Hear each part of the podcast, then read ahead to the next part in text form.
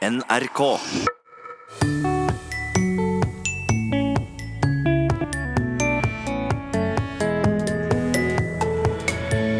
Å kommentere sport er en verbal utfordring. Saken er klar! Saken er biss! Saken er karbonade! Saken er ertesuppe! Vi hører mer om stemmene vi aldri glemmer, og deres bruk av språket. Kan barn hjelpe sine besteforeldre å ta tilbake et tapt språk? Det er håpet for kvensk språkdusj. De barna som har vært på min språkdusj, de, de elsker å lære seg nye saker. Og de er veldig ivrige å lære seg. Vel møtt til Språkteigen. Å kommentere sport på direkten er en verbal utfordring.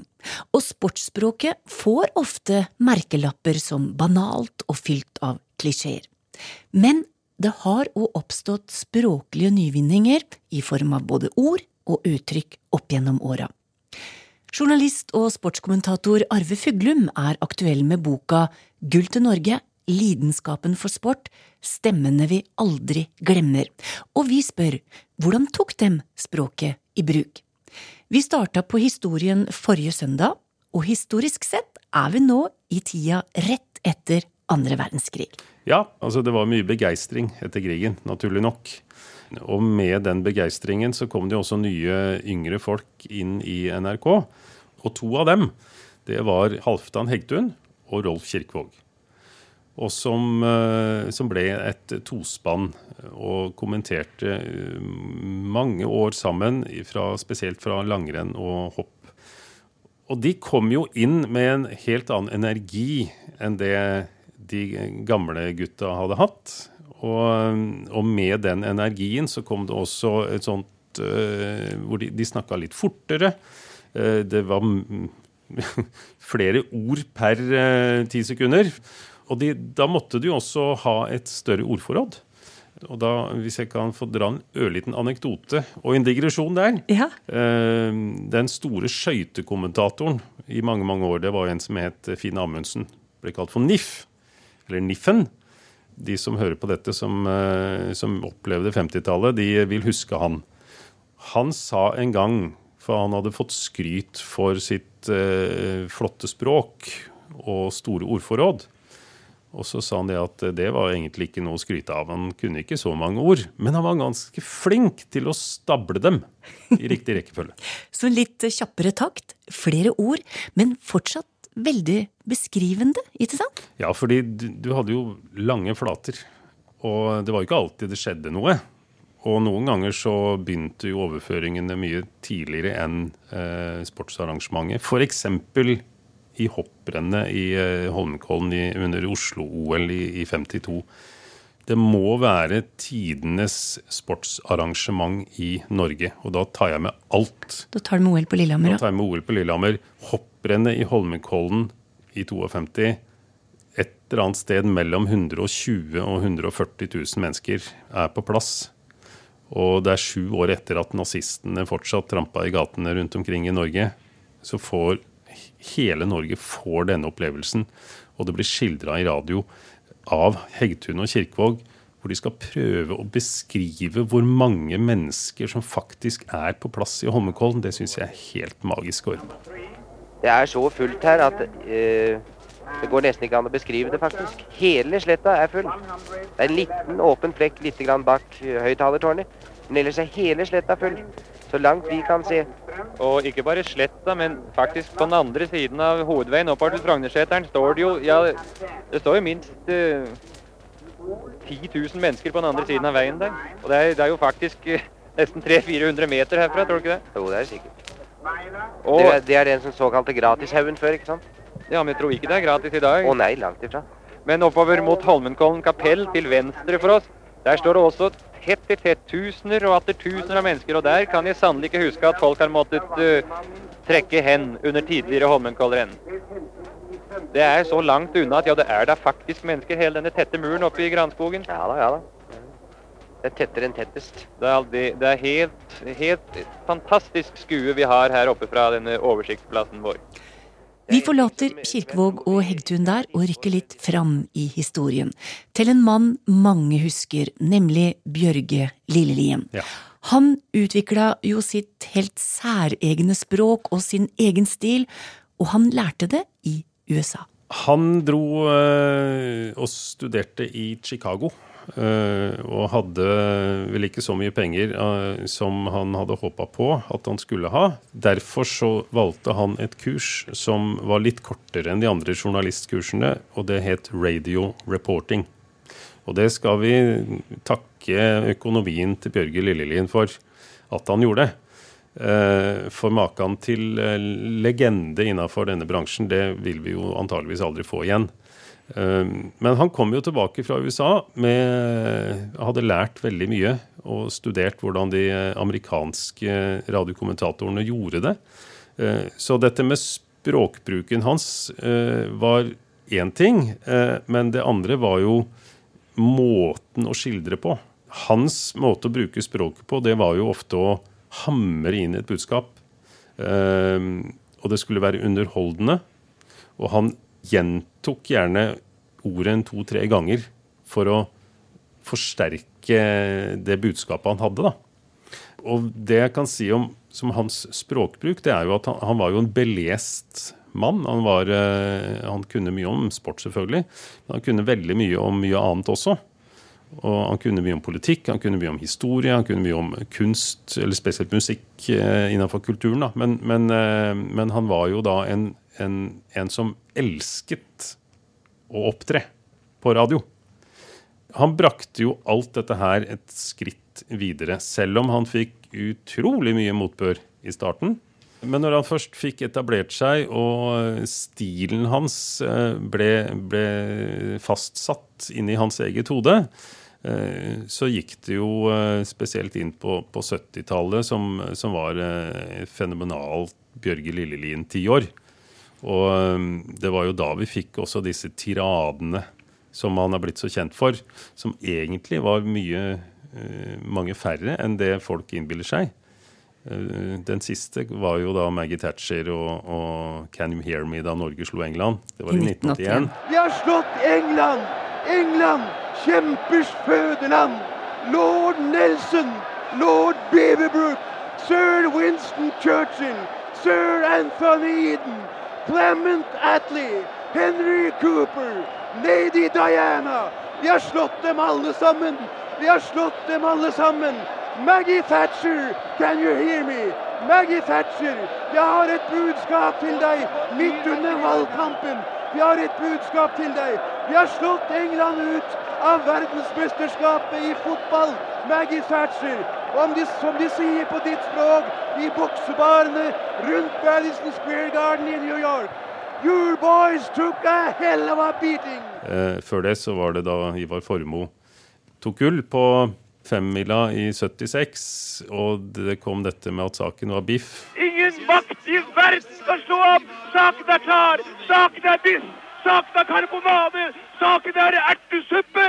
Ivar Formoe har vunnet gullmedalje på 2.37,29! Så har du sagt det at sportskommentatorspråket har gitt oss mange nyvinninger, som enkeltord og uttrykk. Har du noen eksempler der? Ja, eh, det tror ikke det var så veldig mange før Per Jorseth eh, meldte seg på eh, som kommentator, hadde jeg nær sagt, som prata om å være foran skjema. Eller bak skjema. 30 meter foran. Der passerer Jonny fem runder igjen. 12,49 og øh, ja, vi sier en halv. Det blir 38,5 og 10,5 foran skjema. Det er jo et uttrykk som har gått inn i språket når vi liksom ikke får tid til det vi skal. Eh, hvordan går det med malinga i stua, Torunn? Nei, du er litt, du er litt bak skjemaet der. Så det er ett uttrykk eh, som, som kom fra Per Jorseth. Og han sa jo spøkefullt sjøl òg at det kom jo brev innimellom til redaksjonen i starten med at de lurte på hvem var denne skjema. Og så har du da fra denne nestoren Peder Christian Andersen eh, som eh, Og dette har jeg da fra Arne Skouen. Den eh, store journalisten eh, og forfatteren og filmregissøren som jeg for mange år siden faktisk gjorde et intervju med om Peder Christian Andersen. Og han sa det den gangen, i 2003, at han var helt sikker på at det var Peder Christian Andersen som fant opp ordet tverrvende. Et helt vanlig ord? Et helt vanlig Nå? ord, ja. Men det sa han på radio da han kommenterte fotball, at Reidar Kvammen tar ballen ned og tverrvender. Så, så det er ett eksempel. Um, og så har du jo sånne uttrykk da, som lever en stund, men som kanskje da etter hvert blir borte. Uh, men et uttrykk som levde i veldig mange år, uh, det var jo uh, at du kunne være to etter Liaklev. To etter Liaklev, sa Finn Amundsen på radio. Og så ble dette et uttrykk som ikke bestandig hadde med Liaklev å gjøre, men det var hvis du var litt seint ute. Mm, og da var det snakk om skøyteløperen Reidar Liaklev. Og Finn Amundsen var en av de store stemmene, og alene om å kommentere skøyteløp i Norge på den tida. Nå er det så mange som kommenterer i mange kanaler, så hva vil du si om språket til dagens stemmer? Eh, det er, jo, det er jo en evigvarende diskusjon. For noen mener at det ene er godt språk, eh, noen mener at vi ikke skal si sånn og sånn, fordi det har vi aldri sagt før. Og så eh, vil jo mange språkforskere si at eh, det er sånn det skal være. Vi skal kunne si Kjetil nå, osv. Eh, fordi det er sånn språket går. Men fortsatt så er det jo i hvert fall der hvor jeg har jobba, og jeg har nå etter hvert kommentert sport på ganske mange forskjellige kanaler. NRK, TV 2, eh, både radio og TV, Eurosport. Og foran hver stor begivenhet så er det jo samlinger med kommentatorstaben. Og, eh, fokuset på språk er eh, stort hver gang. Og det som er det største fokuset, det er at vi skal være flinke til å variere språket. Vi skal ikke sette ned noe sånn 'dette skal du ikke si', og 'dette må du si', men, men variasjon. Og så er det noen som er mer ungdommelige enn andre, fordi de rett og slett er yngre enn andre. Eh, Jeg er jo ikke blant de yngste lenger, og jeg er jo den jeg er. Mens andre har et helt annet type språk, og det må jo speile måten å kommentere på. Det er ikke meninga at en som er 27 år, skal prate på samme måte som en som er 55. Det speiler nå, altså sportskommenteringen som fenomen i dag, speiler mye i mye større grad den befolkningen som både hører og ser på, enn den kanskje gjorde da for 40 år siden. Det har vært så mange gode stemmer som har kommentert sport, og vi har kun vært innom noen få. Men er det mulig for deg å plukke én favoritt, sånn språklig sett? Og da skal du ha én. Ja. Ja. Jeg må si at eh, den som jeg syns imponerer meg aller mest språklig, med, både med variasjon i hva han sa, uh, og i stemmebruk, altså måten han sa ting på, uh, empatien i måten å kommentere på, er Knut Bjørnsen. Det sa Arve Fuglum, sportskommentator og aktuell med boka Gull til Norge.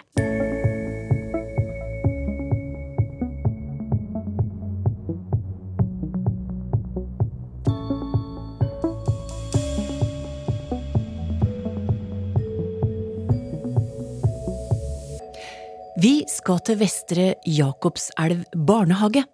Der dusjes barna i kvenske ord. På den måten skal de være med og hjelpe sine besteforeldre med å ta tilbake det kvenske språket. Er du usikker på hva en språkdusj er? Da må du bli med til barnehagen.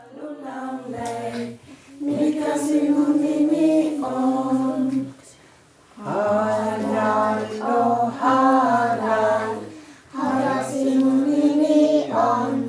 er navnet ditt? Ungene i Vestre Jakobselv barnehage synger på kvensk. Navnene til alle ungene som er med på kvensk språkdusj i dag. En gang for uka har ungene fokus på kvensk språk. Hva farge er det her? Ja, og hva heter den på, på kvensk? Og ungene er lærevillige. Det sier leder av Vadsø språksenter, Marike Rennen. Ja, Sinine. Barnen har inga fordommer til språket, eller språken, eller identitet, eller tillhörighet, kulturer och sånt. Så det är väldigt viktigt att börja så tidigt som möjligt.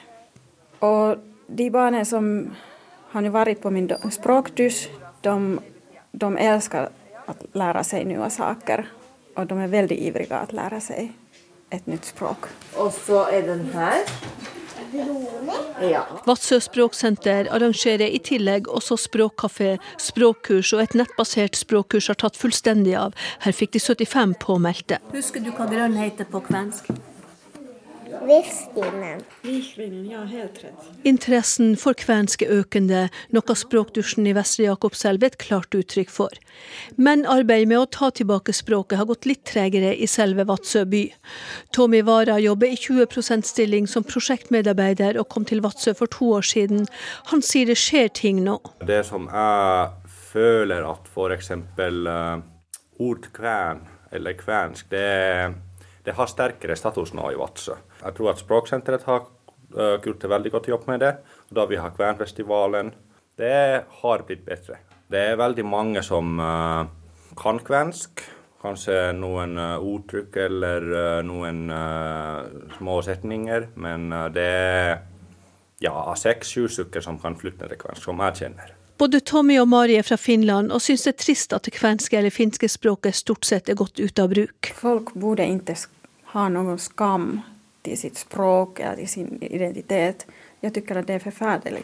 Jeg er helt enig. Iblant uh, kvener her i Norge eller i Nord-Norge situasjonen er fortsatt ganske dårlig. F.eks. i Vadsø det er mange unge som har snakket med, og de har sagt at deres besteforeldre har snakket finsk, men de har glemt det pga. de har tenkt at det er skam å snakke finsk eller kvensk. Så det er veldig trist. Ordfører Hans Jakob Bønå setter sin lit til at språksenteret skal utgjøre en forskjell. Hvis jeg kort skulle oppsummere eh, det kvenske språksenteret, så vil jeg si at det er akkurat som, som du kaster en stein i vannet. Det blir ringer i vannet ut av det. og det, Den ene aktiviteten avler en ny aktivitet, og, og sånn sprer det seg. Og, og Sånn får vi jo håpe at eh, det kvenske språksenteret bidrar også til at eh, språket blir eh, mer interessant å ivareta. Kolme, altså nummer tre, den skal være Valia Sinninen. I barnehagen i Vestre Jakobselv hjelper pedagogisk leder Morten Kristiansen ungene. Han har besteforeldre fra Finland og har lært finsk i skolen. Vi prøver å ta det tilbake og, og bruke det. For at, jeg ser jo hvor morsomt det er sjøl å prate f.eks. litt finsk, kvensk med, med mine besteforeldre. Så jeg ser jo på meg en liten ressurs når eh, vi skal jobbe med det her, at jeg kan litt ifra før av. Mari Kerenen håper ungene nærmest skal bli et forbilde for de eldre. Det her med språkdusjbarn, så er også en tanke bak det at de barna kunne gå, gå til sine besteforeldre og begynne kanskje snakke kvensk med dem og få deres uh, arv, språklige arv med seg. Så at de her barna skulle aktivere besteföräldrarna å snakke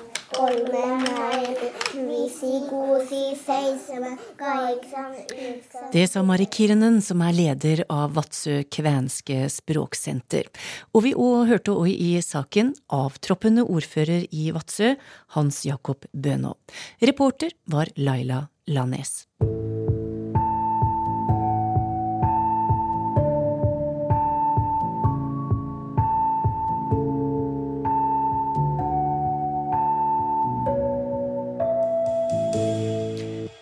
Er klare med lytterspørsmål, og i dag er dialekt stikkordet.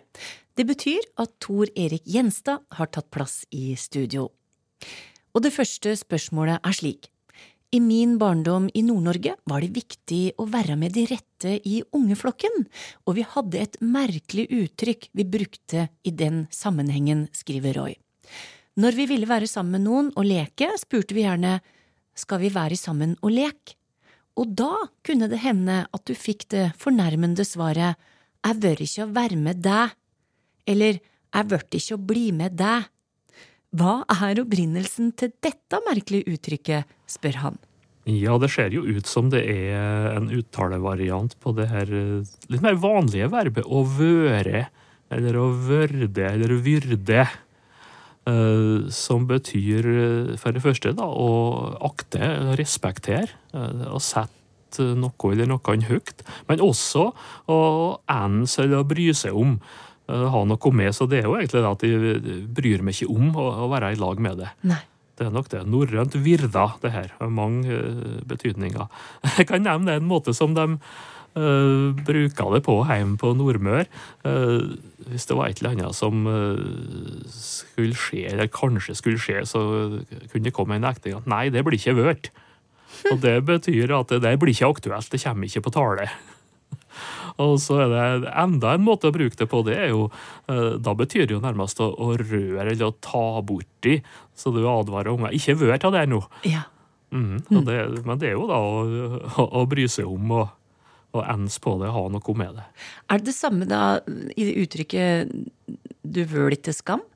Ja, det er nok eh, faktisk det, ja. Altså, da er det vel at en, at en bryr seg ikke da her. Nei. Nei da. Ingen respekt. Nei. Vi skal tilbake til et spørsmål vi hadde oppe i juli. Da fikk vi spørsmål om uttrykket å køl i seg. Det var Bjørn Bernersen som spurte, og han bruker dette blant annet for å drikke opp noe fort, altså køl i deg. Og så lurte han på hva ordet køl kom av, og da svarte du følgende, Tor Erik. Ja, nei, altså det, akkurat det å køle i seg det er ikke registrert, ikke i norsk ordbok, ikke Norske Akademis ordbok, som eh, det som jeg har sett på i farten. Men utgangspunktet er nok eh, kål, eller køl. Og så verbet da, som du har eksempel, ja, køle på. Altså få opp farten, gi full gass. Og det igjen kommer nok av at de, når de køler på, så kaster de på mer køl eller kål på dampkjelen. Man kunne jo tenke på at det, tenke på at det var øh, med å kvelve, da, men det het kvøll. Eller noe slikt i, i, Nordland, så der er det bevart ved. Så det er nok helst det der med, med køl eller kål, ja. Ja, slik svarte du i juli, og da fikk vi noen reaksjoner. Både Kenneth Antonsen og Eirik Liland har kontakta oss og viser til ordet kvelve. Og Eirik han har gjort noen undersøkelser som han har sendt til oss. Og hva sier du til det? Ja, nei, altså Nå har jeg fått det her fra Eirik Liland, ja, og det er jo gode eksempel. Ja. han eh, nevner eksempel at vi kåler båten, altså kvelver båten. Køler ut vannet av bøtta, eh, og eh, nå må du gå forsiktig så du ikke køler over suppa. Og semantisk, eller betydningsmessig, altså stemmer det jo perfekt med å kvelve. Jeg var jo, som du sa, inn på det, men jeg tenkte litt på lydutviklinga her. altså at Vanligvis så er jo slike ord eh, på KV, da, av norrønt HV, som kvelve. Eh, I det området der så blir det vanligvis til KV. Det er jo hvit og, og forskjellige forskjellige ord der. Så, så de går vanligvis til KV, bortsett fra i spørreord. Da får du jo sånn som kor hvor og hvem og hvordan og, uh, og slike. Uh, så det er litt uventa, men eksemplene her er så overbevisende så at det mest tro det at, og, at hvis du har hatt noe kvøl, så hadde det utvikla seg til å, å køle. Så jeg, det, jeg tror mer på det nå enn jeg gjorde i, i sommer, for å si det slik. Ja, men det skal la seg overbevise av gode argument. Det skal han gjøre, og det, det må være lov å skifte mening. Altså, 100 overbevist er jeg ikke, men eh, jeg har iallfall notert det. På Kongsberg har vi formen 'Vil du være med hjem til våre', der andre ville ha sagt 'vårs' eller 'oss'. Hva er dette våre? Er det en snodig form av et gammelt kasus? Er det et barnespråk? I dialekta ellers sier vi gjerne vårs, som andre vikværinger, sier Gro Mesna Andersen. Ja, barnespråk eh, kan det nå ikke være, for eh, det er jo registrert. Altså våre som objektsform til vi, da. I norsk ordbok, som jeg stadig kommer tilbake til, så er jo det registrert da, fra Østfold og Vestfold, men også fra plasser som Sandsvær og Lardal, og da begynner du å komme litt i Kongsberg, da. Så det må man regne med, og det er en tradisjonell dialekt. Og eh, ja, det er forskjellig rart med de her eh, pronomena her. Eh, det er jo kasussammenfall, det er, du har hatt gammelt dualis eller totall, så det har vært mye former å velge imellom, og de har hoppa litt. Uh, dermed til vårs eller til våres, det har jeg nå sett for meg kunne vært forkorta av uttrykk som 'til våres hus' eller 'til våres heim' eller 'hjem'. Altså, og så blir det da bare 'til våres', mm. som det, at det siste blir underforstått. Uh, Østerdalen uh, har du et uttrykk, eller to uttrykk, uh, i våre og på våre, som betyr hos oss eller i huset vårt. Kan f.eks. hete at nå er vi sjuke alle på våre. Altså hos oss. Så det går litt om hverandre. Og, øh, og det mest ekstreme, det rareste øh, oppi det her øh, temaet her, det har de jo i Kristiansund. Der det kan hete f.eks.: Bli med hjem til våre, så ser katta oss. Så der har oss gått inn som eiendomspronomen. altså at Det betyr å bli med hjem til oss og se katta vår. Og de snakker om byen oss, altså byen vår. Hvorfor skjer dette her? Nei, det, det, er noe vanskelig å svare godt på det. Men det har noe å gjøre med det kasussammenfallet og oppløsninga av kasussystemet. Og så er det da også her har du jo hatt gamle totalls- dualisformer av pronomen, så det blir mange å velge imellom. Mm. Og dialektene har utvikla litt forskjellige løsninger på det her. Ja, hun skriver jo her, hun Gro Mesna Andersen, at uh, akkurat dette fenomenet ble diskutert i ei Kongsberg-gruppe på Facebook, der flertallet aldri hadde hørt eller brukt våre. Hun har aldri brukt det sjøl heller, men så kom hun på at hun bet seg merke i formen som tolvåring. Det var i 1983, og da flytta familien til uh, fødebyen til faren hennes, da Kongsberg. Og da sa de andre unga i klassen våre. Så da, ja. da var det kanskje vanligere før, og så har dette kanskje blitt vanna litt ut, da? Det kan se slik ut at det holder på å gå ut igjen, ja. ja. Uh, at det blir litt for avvikende. Så da vil jeg jo tro at de går over til å si uh, vårs, for eksempel, da, eller oss, i objektsform. Hm. Har du noen sånne rare i din dialekt, da? Nei, jeg har ikke noe annet enn at der uh, sier oss jo oss i stedet for vi.